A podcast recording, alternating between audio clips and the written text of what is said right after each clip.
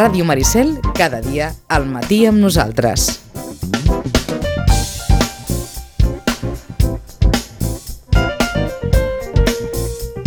Bé, com els comentàvem, aquest 2022 Sitges ha revalidat les nou banderes blaves que ja tenia el 2021. Es converteix, per tant, en un dels municipis amb més banderes blaves de la costa de la costa espanyola.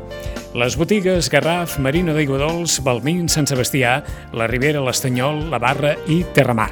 A l'altre costat del fil telefònic saludem, la definim així, perquè així ens ho diuen, eh? la directora de la Bandera Azul, que es la señora Ana Pérez Montero. Señora Pérez Montero, buenos días. Hola, buenos días, Jan. Usted es la directora de las Banderas Azules. Sí, efectivamente. ¿Desde hace cuánto? Desde, hace poco tiempo. Bueno, yo trabajo en Bandera Azul desde hace 15 años, pero hace poco que, soy directora. Y, como decíamos al, al, principio, la Bandera Azul se ha convertido en la, en la distinción más, no sé si decirlo de este modo, más universalmente popular. Sí, sí, efectivamente. Has hecho una introducción buenísima, la verdad, que he estado escuchando y lo has, ya has empezado, a explicar muy bien. Eh, es que hemos sido uno de aquellos municipios en que, a ver, la evolución en algunos momentos nos ha llevado a pedir las banderas azules, en otros momentos no, porque se comentaba, y supongo que, que usted también es consciente de ello, que ha habido siempre un a, veces un cierto run run sobre eh, los motivos principales de la distinción y si había municipios que podían tener un ascendente hacia, hacia los criterios o hacia las personas que daban las, las banderas azules y si todo esto ha pasado la historia y ahora eh, em, la forma de, solicitar las banderas azules y también los criterios de actuación son ya, no, no sé si decir, muy, muy pautados siempre. Sí, efectivamente los criterios, eh, bueno, son los que son, están en nuestra página web para cualquiera que los pueda consultar y como has explicado, lo primero es que las playas se tienen que presentar. Eh, para que una playa pueda tener bandera azul, el municipio debe presentarla. Como has comentado, durante algunos años Sitges no presentó sus playas a bandera azul y por eso no podían tener la bandera azul. Desde ya desde 2018 comenzó a presentarlas. Mm, poco a poco empezó presentando un par de ellas y ahora mismo efectivamente eh, tiene nueve y es el municipio de Cataluña con más banderas azules de playa. Em, para que todo el mundo nos entienda también, y aunque hayan pasado muchos años, la, la bandera azul proviene de una fundación, de una institución. En este sentido, no es un organismo oficial quien, quien otorga las banderas azules. No, nosotros somos una asociación, una asociación además de educación ambiental. Somos independientes, somos una ONG y no dependemos de, ningún ministerio. Lo que sí que es verdad es que eh, no somos los únicos que otorgamos la bandera azul. Eh, para que una playa tenga la bandera azul, una vez se haya presentado, tiene que cumplir con esos criterios y tiene que ser evaluado por un jurado mm, a nivel España. En ese jurado estamos nosotros, pero también está el Ministerio de Sanidad, que al final es quien avala los muestreos de calidad de aguas de baño que se hacen en cada comunidad autónoma, que es otro de los requisitos imprescindibles para tener bandera azul, que la calidad de aguas de baño sea excelente, y también está el Ministerio de Medio Ambiente. De ahí puede la confusión de que pertenezcamos a un ministerio. No pertenecemos a un ministerio, pero en el jurado sí están representados los ministerios y sí colaboramos estrechamente con ellos porque otro de los pilares de bandera azul es el cumplimiento de la legislación. Por tanto, es, por decirlo de algún modo, una garantía mm, de la distinción, ¿no? Tener el aval en, este caso de, los ministerios o el aval oficial de los datos y de los análisis que se realizan. Exacto, esto, esto vamos, mm, tiene que ser así porque los, los análisis los hacen ellos, son responsabilidad de las comunidades autónomas. El Ministerio de Sanidad es quien a su vez los eh, remite a la Unión Europea. ¿vale? El, tema de mostrar la, calidad de aguas de baño es una directiva europea. Entonces, ya te digo, nosotros mm, defendemos la legalidad porque es, uno de los primeros pilares. Además, este jurado nuestro tiene que enviar todas las candidaturas a un jurado internacional, que es quien finalmente otorga las banderas azules, porque, bueno, no lo hemos comentado, pero el programa es internacional. En España tiene mucha popularidad, pero está en otros 46 países, en total 47. Entiendo, si, si partimos de nuestra experiencia como municipio, que, que España es uno de los países con más banderas azules. Es el que más banderas azules tiene. Eh, después estaría Grecia y Turquía. Son otros dos países bastante potentes. Y luego, bueno, pues como hace muchos años que comenzó en Europa, pues hay muchos países en Europa con bandera azul y, luego se extendió pues a, América, a África, a Asia y ya está por todo el mundo. Ajá. Mm, partiendo de este método de trabajo, vamos a también a contestar algunas preguntas que más de un oyente nos ha hecho. ¿En qué momento se realizan los análisis del de, agua, por ejemplo, o los otros análisis de las playas para aquellos que digan, bueno, es que en determinadas épocas del año todo está mejor y en determinadas épocas del año todo está peor? Efectivamente, a ver, Bandera Azul eh, se basa en un ciclo de dos años, ¿vale? El, por ir respondiendo poco a poco, los muestreos, como he dicho, no los realiza Bandera Azul, los realiza personal, en vuestro caso, en el caso de Cataluña, de la Agencia Catalana del Agua, que toma muestras eh, quincenales y, si hace falta, semanales de cada playa, ¿vale? Eh, se empiezan a tomar las muestras antes de empezar la temporada de baños, en torno al 15 de mayo, ¿vale? Y a lo largo de todo el verano hay una persona tomando muestras en cada una de las playas, tanto con bandera azul como otras que no se presentan a bandera azul, pero que también se muestrean, ¿vale? Llevando esa muestra, analizándola y viendo qué calidad de, de aguas tiene, así a lo largo de todo el verano. Con todos esos muestreos analizados con un resultado que para bandera azul tiene que ser excelente, eh, también puede ser bueno, pero que quiere decir que está bien, pero no es suficiente para bandera azul, se obtiene una calificación. Entonces, esa calificación es como si dijésemos, no es exactamente, pero como si dijésemos la media de todos los resultados, ¿no? Entonces, si el verano mm, la media sale excelente, el año siguiente esa playa puede tener bandera azul. Sí, porque hace falta sumar todos los resultados, hace falta que termine el verano. Está claro. ¿vale? Por tanto, no, puede tener Por tanto, nosotros tenemos las banderas azules que corresponden a los análisis del año 2021. Ah, exactamente. Este 2022 se harán los análisis que además los podéis consultar en los paneles de la playa. Tanto en los paneles de la playa como en la web de la ACA, esos análisis se van colgando de forma periódica de forma que si uno quiere saber eh, cuál es la calidad de aguas de baño, no a tiempo real real, pero bueno, sí durante la semana pasada, como fue la calidad de aguas de baño, lo puede consultar. Este es uno de los... sí, sí, dígame, dígame. Nada, como no había respondido al resto de criterios, los otros criterios sí que los eh, comprobamos nosotros, personal de inspección de, de ADEAC, de Bandera Azul, y esa, esa inspección se hace durante el verano. Es verdad que se toma, digamos, una, una foto fija de un día, ¿vale? En ese verano vamos un día a la playa y vemos cómo, cómo está todo. Si algo fallase, pues tendríamos que volver a ver si se ha mejorado, pero por lo general las playas con bandera azul, bueno, son playas excelentes, son playas eh, de calidad que cumplen con los criterios y cuando vamos a verles simplemente comprobamos que es así.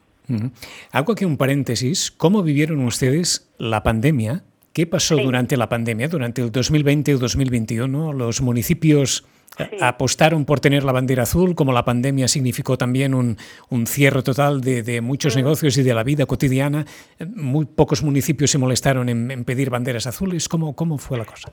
No, no creas, porque a ver, el proceso es largo. Las candidaturas se presentan en noviembre. El jurado se celebra en febrero, jurado eh, aquí a nivel España, y el jurado internacional en abril. Entonces, la pandemia em, se desató, digamos, en febrero, cuando nosotros ya habíamos celebrado el jurado, ¿vale? Entonces, las playas ya habían presentado las candidaturas y ya estaban camino del jurado internacional.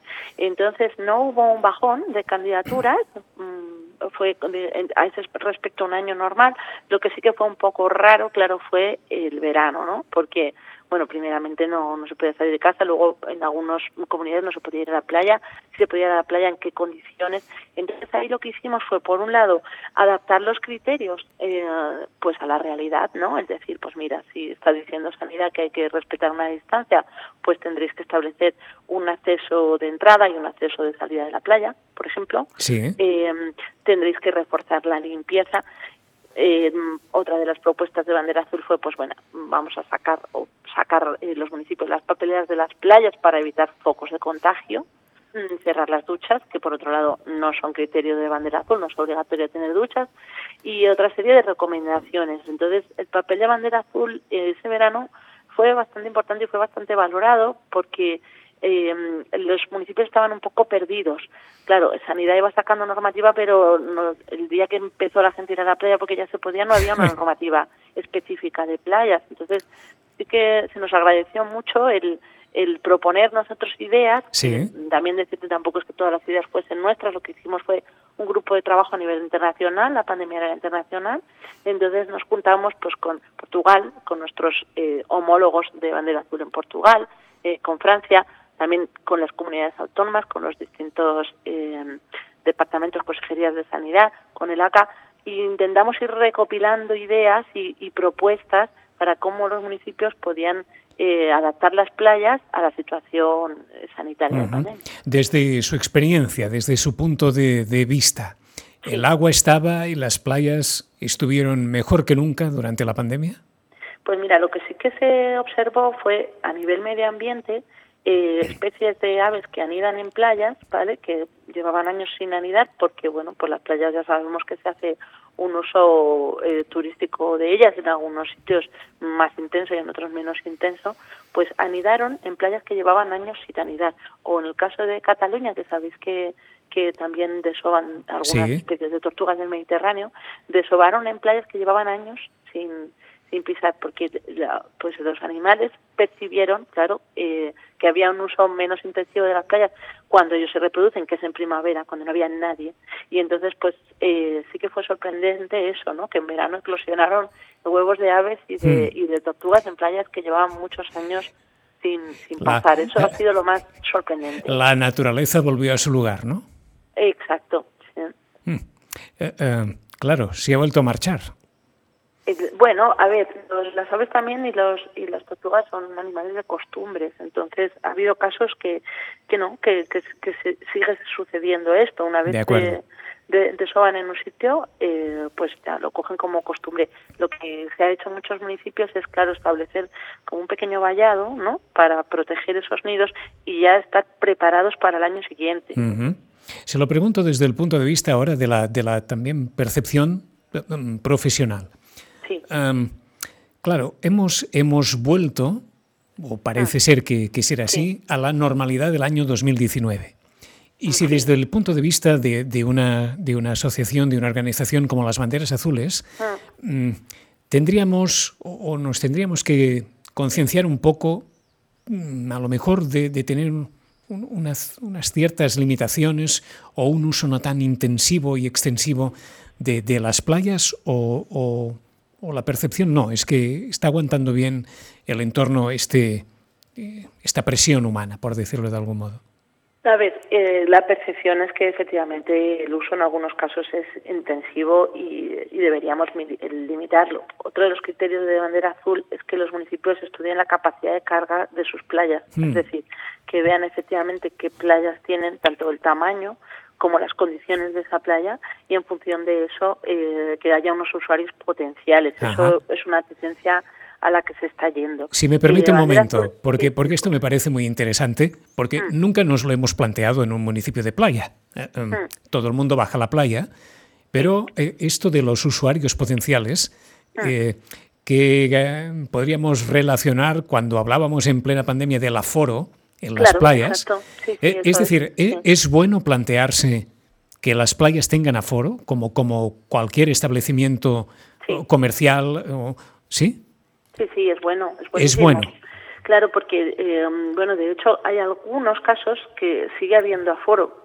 por ejemplo, en, en, en parques naturales, playas que están dentro de un parque natural o parque nacional, sí tienen aforo. Tenemos, por ejemplo, el caso de las catedrales. No sé si lo conocéis, en Lugo. Es una playa, bueno, con unas características especiales que además ahí tienen el tema de la marea y esa playa es súper popular, pero es que está en, un sitio súper frágil y delicado. Una playa, de entorno absolutamente espectacular. Visualmente, sí, sí. Sí, pero además se junta que es que es una, un entorno frágil y, que hay muchas muchas especies que hay que proteger, pues desde vegetales que pisoteo las estropea a lo que hemos hablado, ¿no? De, de aves y demás. Entonces, en esa playa hay aforo. O, por ejemplo, en Murcia, el Parque Natural de Calblanque, pues la única forma de acceder es con un autobús. Los autobuses salen a tal hora y una vez se llena el autobús, se acabó el acceso. Entonces, esa fórmula ya existe y, y está. Claro, se lo, se lo preguntaba porque seguramente más de uno y más de una, en el caso de nuestro municipio en Sillas, bueno, claro, ¿cómo, cómo podemos aforar una, unas playas que tienen un acceso tan, tan libre? Desde el punto de vista de que llegar a nuestro municipio es muy fácil por carretera, por tren, eh, el acceso a las playas es facilísimo también, sobre todo en las playas urbanas, y por tanto la limitación de un aforo, si es que se pueda pensar algún día en ello, evidentemente necesitaría un control eh, muy exhaustivo. Pero... Muy exhaustivo, sí. Ya se vio en la pandemia que era difícil, que era dejar solo algunas entradas y, y, ir pues aforando. Yo no sé si sería una medida muy popular eh, seguro que a no. día de hoy. claro, lo que ahora mismo la tendencia fuera de espacios naturales es eh, hacer una oferta mayor, ¿no? Decir, bueno, mira, Siches tiene la playa y podemos estar un rato en la playa, pero es que también tiene todas estas otras cosas que visitar, ¿no? Entonces, diversificar la oferta, esa es una forma también de quitar presión de las playas. Pero eh, entiendo, eh, entiendo que el futuro pasa por, por una cierta racionalización en el en el uso de, de, la playa? Yo creo que sí. Ahora bien, no sé si lo veremos o no lo veremos. O sea, claro, el, futuro pasa por ahí. El punto de partida es saber exactamente qué está sucediendo en esa playa, ¿no? Cuáles son los impactos. Eh, a veces el impacto de la presión, la presión humana quiere decir como visitantes, pero en otras veces el impacto es otro. Hay que atajar por otro sitio. lo, digo por si la persona con la toalla. Está claro.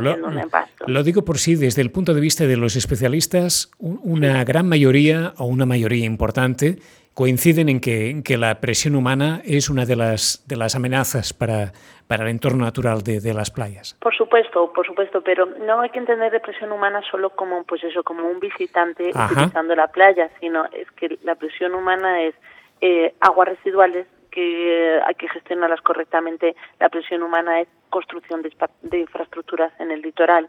La presión humana es la pesca, o sea, son muchos frentes, ¿no? Eh, Bandera Azul efectivamente lo que trata es de compatibilizar esa conservación con el uso turístico de las playas, ¿no? E intentar hacer un uso más racional. Esa es un poco nuestra, ah, nuestra ah, filosofía. Ah, la pregunta es excesiva, pero bueno, vamos a plantearla así. ¿Cree usted que vamos a mejor o a peor? Depende en qué. A ver, yo creo que hay cosas que sí, que vamos a mejor y que de hecho, volviendo otra vez a lo de la pandemia, este tipo de cosas que vinieron a quedarse, ¿no? En cuanto a, por ejemplo, eh, lo que hablábamos de las papeleras, ¿no? Eh, las papeleras, nosotros estábamos acostumbrados a tener la papelera, la adicto de la toalla, de la hamaca, ¿no? Y, y tirar ahí el residuo. ¿Qué pasa? Que en la playa hay mucho viento y está eso muy cerca del agua, entonces muchos residuos acababan en el mar. Entonces, con el COVID Bandera Azul ya lo venía planteando, pero bueno, sí que ha habido una tendencia a sacar esas papelas de la arena y llevarlas para atrás, que además se gestiona mejor los residuos cuanto más cerca estén del, digamos, del, del medio urbano, ¿no? Entonces, ese, ese, tipo de cosas han venido a quedarse, eso es una mejora, es un decir, bueno, ya hemos visto que cuanto más lejos de la playa estén los residuos, más lejos del agua, mejor.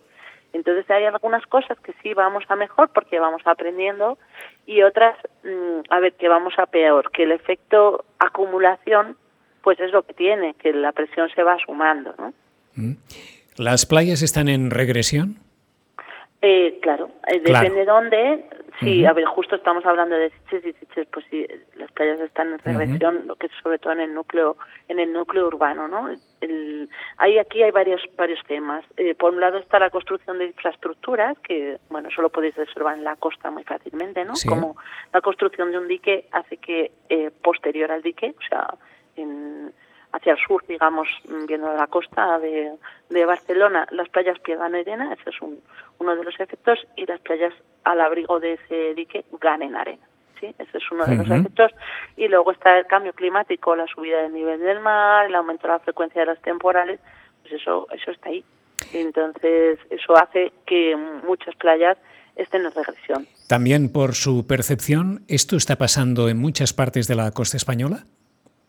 Sí, sí sí, esto es un, esto es un efecto que, bueno, que es común. Mm, por eso se, también desde Bandera Azul lo que intentamos es promover eh, medidas de defensa litoral, ¿vale? De hecho, este año empezamos con un set de criterios que mm, se están aplicando en las playas naturales más que en las playas urbanas, pero bueno, a la larga a lo mejor tenemos que también implementar en las playas urbanas, que es eh, recuperar los, los cordones dunares. ¿Vale? Las, Los las dunas tienen cordones los cordones dunares. dunares, sí, las dunas tienen un efecto de protección natural eh, frente al- a, los, los temporales, que son lo que se lleva la arena de vuelta al mar, ¿no?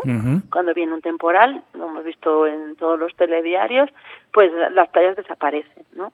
¿Qué playas desaparecen menos? Las que tienen dunas. ¿Por qué? Porque las dunas son un almacén de arena, son una defensa, una barrera natural que lo que hacen es ir acumulando arena de forma natural para que cuando llegue el, el temporal se lleve menos arena. Incluso la propia dinámica de, de la duna hace que durante el verano, por efecto del, del, del viento que sopla del mar hacia, hacia atrás, Sí. esa arena se vuelve a acumular en la duna. Entonces, las playas que tienen dunas están mejor protegidas frente a los a los temporales. Esa es otra de las cosas que está implementando y promoviendo Bandera Azul. ¿Y las dunas se pueden crear de una forma artificial? Eh, sí, el- las dunas se pueden, a ver, se pueden iniciar y luego de forma natural se recuperan ellas solas. Seguro que habéis visto porque en Cataluña también hay mucho una especie como de, de esterillas, de palitos, Sí. que son captadores de arena, ¿vale? Ese es el primer paso para empezar a recuperar eh, un área dunar. Es poner unos, unos palitos, porque este movimiento de la arena ocurre solo. En verano, pues la arena está yéndose hacia atrás por efecto del viento. Entonces, si ponemos un captador, se irá reteniendo. Es el primer paso. Luego, el segundo paso es eh, plantar un poquitas especies naturales que también con sus raíces mm, fijen esa arena y, y esto poco a poco de forma natural se va recuperando. Lo que pasa es que claro, no lo tenemos, no lo debemos pisar.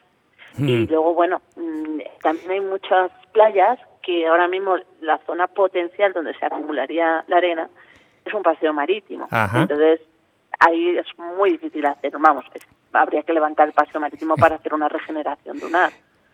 No lo ha mencionado y supongo que Mm. es por razones obvias. eh, Desde Bandera Azul se está más o menos de acuerdo con el dragaje en las playas. A ver, pues esto, el bandera azul no tiene un criterio para el dragaje, ¿vale? Es una medida, en algunos casos, inevitable, pero sabemos que el impacto ambiental del dragaje pues es muy alto. De acuerdo. Eh, a ver, nosotros no lo mencionamos porque no están los criterios, no podemos tampoco eh, condenarlo porque es una actuación, primero, que se hace desde, desde los ministerios, o sea que, que no es una elección, digamos, municipal, ¿vale?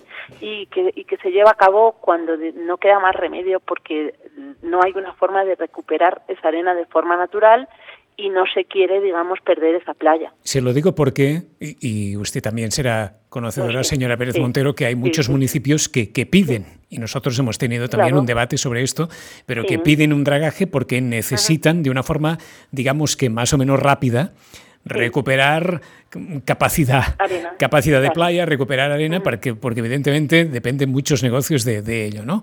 Y, y- Sí. y como usted ha planteado, digamos que una regeneración mucho más, mucho más natural, que, que necesita tiempo y que necesita paciencia, no sé si estamos mucho por el tiempo y por la paciencia ante, ante circunstancias como, como las que viven buena parte del, del litoral. ¿no? Es así, el dragado es la solución eh, cortoplacista Ajá. y además que requiere hacerlo todos los años porque eh, si la arena no se retiene en la playa, cosa que solo pueden hacer las dunas, ¿vale?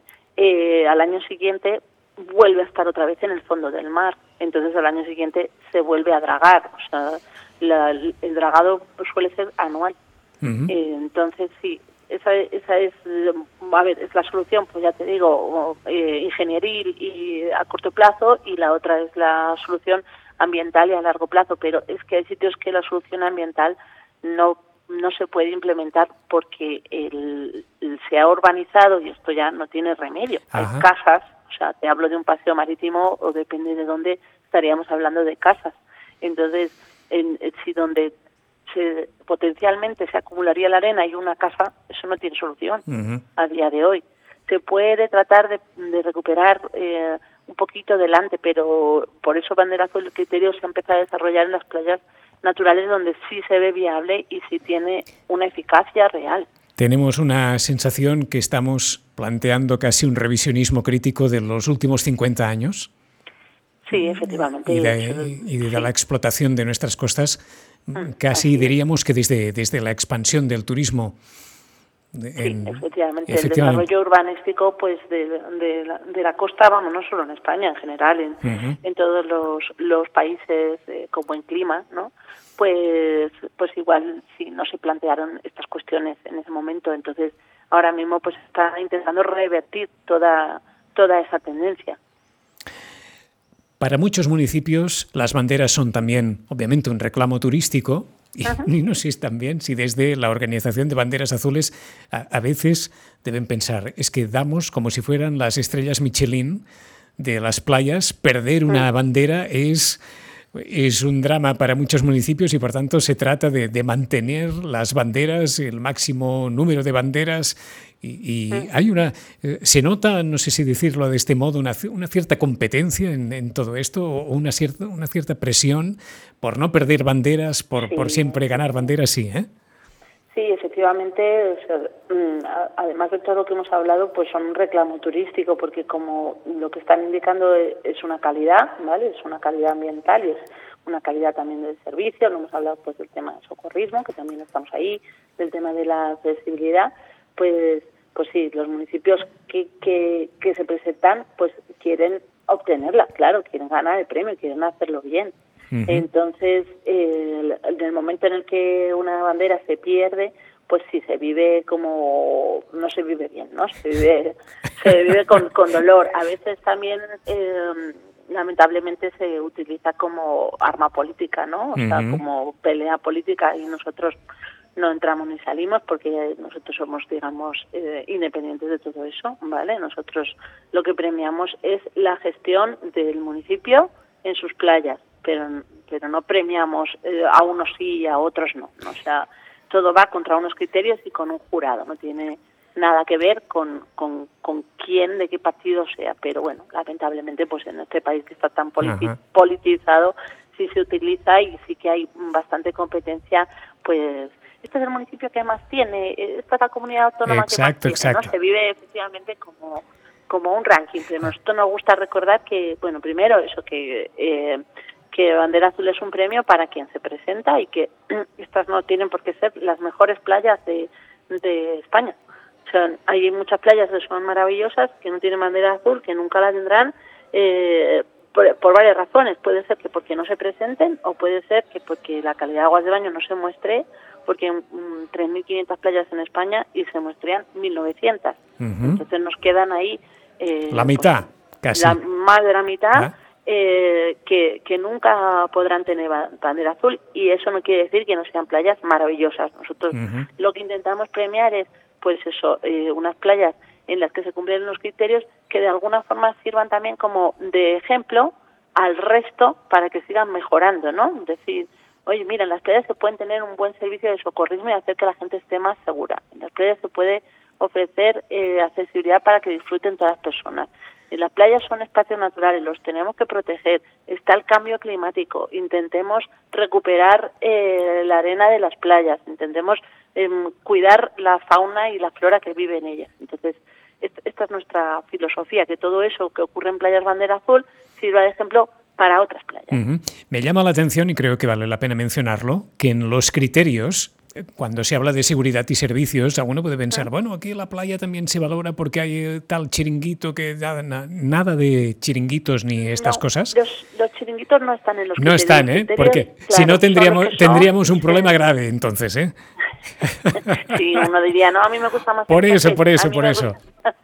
no, ahí no, no entramos. y, por tanto veo que se entra en lo fundamental, que es tener un buen servicio de socorrismo Sí, son, son un poco los pilares, los de, pilares, de bandera azul, la seguridad, la accesibilidad, la legalidad. Yo creo que los hemos ido repasando Está claro. la gestión ambiental.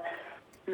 Vuelvo al principio de esta conversación. ¿Los municipios pagan alguna cosa por pedir la bandera azul? Pues mira, eh, Bandera Azul se, se, financia, o sea, nosotros la organización tenemos eh, convenios, contratos, subvenciones con distintas comunidades autónomas litorales, ¿vale? En vuestro caso, pues es la Generalitat de Cataluña, eh, la que tiene con nosotros un, convenio, si no recuerdo mal, eh, que es una cantidad para desarrollar el programa Bandera Azul en playas y en puertos. ¿Vale? Entonces, em, libremente los municipios deciden eh, si se presentan o no. De acuerdo. ellos, lo que son los municipios, no tienen que pagarnos a nosotros porque la comunidad autónoma es quien subvenciona. De acuerdo. Hay alguna comunidad autónoma donde no hay acuerdo eh, lo que es a nivel autonómico, por ejemplo en Baleares o en Cantabria, y es el municipio que se presenta eh, quien paga por candidatura, ojo, no por bandera. Se paga por presentar la candidatura porque la candidatura porque sea analizada por el jurado, porque visitemos la playa, se paga por eso. ¿Vale? Luego ya, si se obtiene o no se obtiene, es otra cosa. De acuerdo, o sea que en nuestro caso, señora Pérez Montero, mm, presentarnos o no presentarnos a las banderas azules no tiene ningún condicionante económico para el municipio. No tiene coste para lo que es la presentación, no, tiene coste con nosotros, ¿vale? la comunidad autónoma está pagando esos costes y luego el municipio, lógicamente, paga su servicio de socorrismo, paga su recogida de basuras, paga si la hace su regeneración eh, dunar, etcétera. O sea, los municipios invierten en las playas, pero bueno, eso tanto si se presenta una bandera azul como si no. La seguridad de los bañistas es una responsabilidad de los municipios. Está claro que sí. 11 y 2 minutos. Este año va a ser una locura, ¿no? Después de la pandemia. Pues, Está todo el mundo que, que, que, que, vaya, que se sube por las paredes y con ganas de ir a la playa. el verano pasado ya, la verdad, ya noté bastante normalidad. El anterior sí que fue eh, anómalo, pero este verano pasado, bueno, yo también, eh, como personal de ADEA, también inspecciono playas. O sea, también voy a ver las playas en verano y este verano la verdad que lo noté normal, pero bueno, pues a ver, yo me alegro que se recupere un poco la vida y la y la, y la actividad. Por descontado que sí. Ana Pérez Montero, directora de Banderas Azules, gracias por todas las explicaciones esta mañana. Muchas gracias. Suerte en el futuro, gracias. Chao.